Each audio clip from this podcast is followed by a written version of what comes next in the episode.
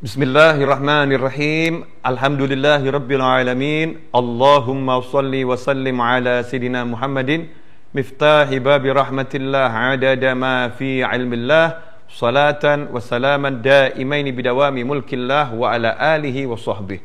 Allahumma shalli ala sayidina Muhammadin salatan taftahu biha lana futuhal arifin wa tufaqihuna biha fid wa ala alihi wa sahbihi. Assalamualaikum warahmatullahi wabarakatuh.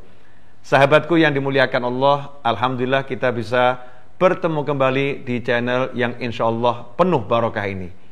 Dan kali ini kita akan bersama-sama mempelajari satu hadis Nabi Muhammad SAW yang tercantum dalam kitab Sahih Al-Bukhari. Kitab hadis yang paling sahih. Nah, hadis ini hadis tentang apa?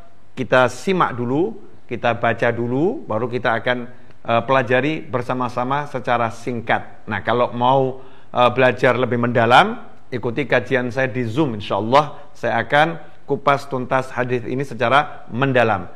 Dalam sebuah hadis yang disampaikan oleh Imam eh, Al-Bukhari dari sahabat Abu Hurairah radhiyallahu anhu bahwasanya Rasulullah sallallahu alaihi wasallam bersabda inna dina yusrun Inna dina yusrun.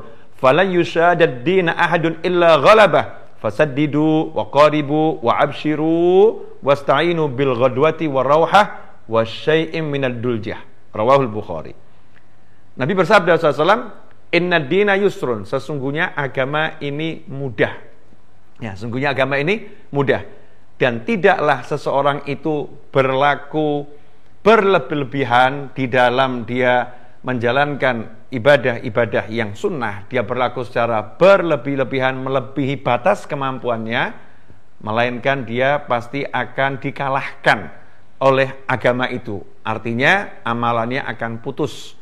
Ya, dia akan kehilangan amalnya itu sendiri. Fasadidu karena itu beramallah secara benar dan tidak berlebih-lebihan sesuai takarannya masing-masing waqaribu dan hendaknya selalu lakukan ibadah itu pada level yang tengah-tengah. Ya e, enggak terlampau berlebih-lebihan dan tidak kekurangan. Waqaribu wa abshiru.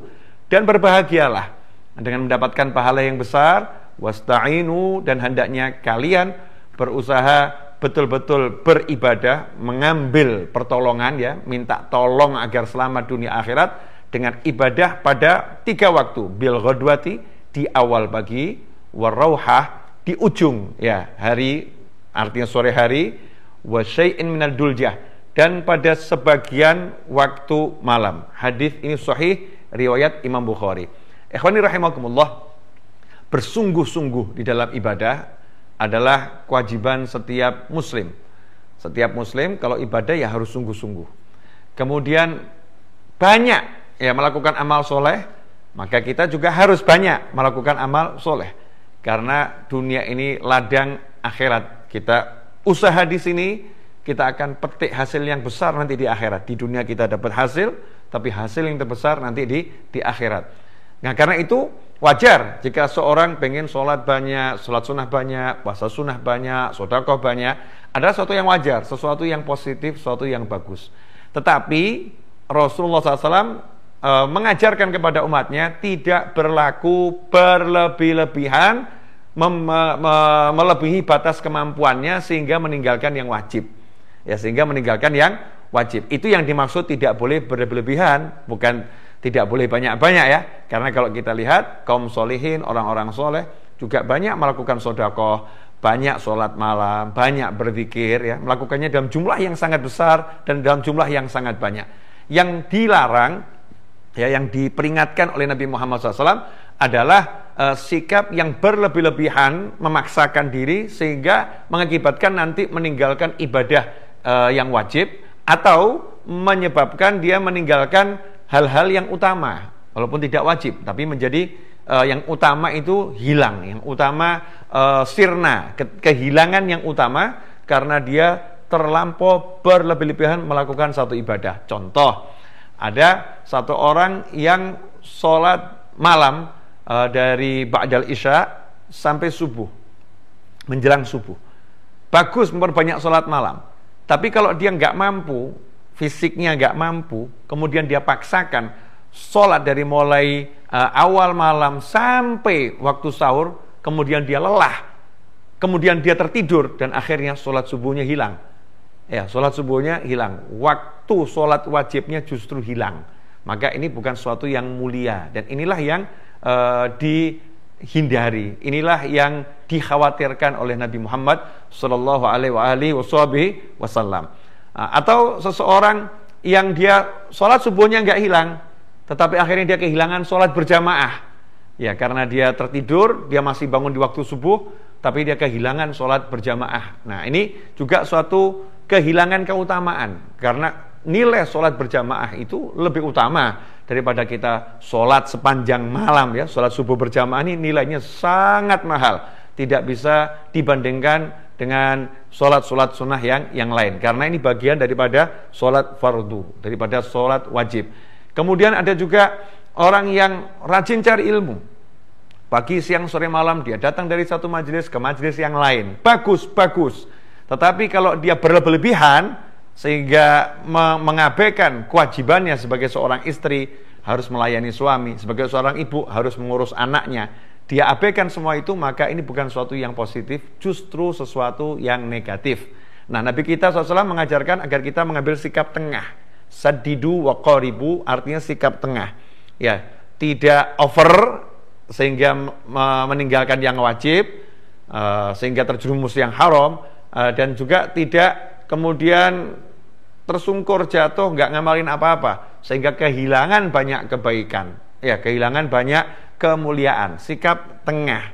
Nah sikap tengah itu bagaimana? Yang diajarkan tadi dalam hadis oleh Nabi Muhammad SAW apakah itu? Rasul menyatakan dalam hadis tersebut hendaknya kalian wasta'inu. Ya wasta'inu ambil pertolongan ya agar selamat dunia akhirat dengan beramal di tiga waktu. Kalau mau dapat tambahan, mau dapat uh, bonus ya, maka tiga waktu ini manfaatkan sebaik-baiknya.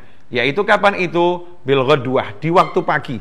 Ya, di waktu pagi itu kapan? Setelah sholat subuh ya setelah sholat subuh sampai matahari terbit ya waktu ini waktu yang sangat mulia waktu yang sangat utama maksimalkan waktu yang singkat itu dengan zikir dengan doa duduk fokus zikir doa ya di situ waktunya ada pula mengatakan bil ghadwah di pagi hari adalah mulai dari sholat subuh sampai nanti zuhur ya waktu zuhur itu subuh sampai zuhur termasuk waktu duha ini waktu yang yang utama kalau mau banyak-banyakkan ibadah ya di situ waktunya.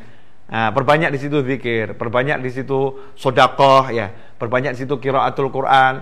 Atau uh, tambah satu waktu lagi di ujung hari, sore hari, ya, menjelang maghrib.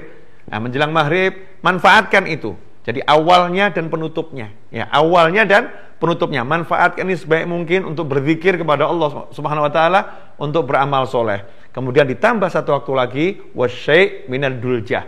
Sebagian daripada duljah. Apa itu duljah?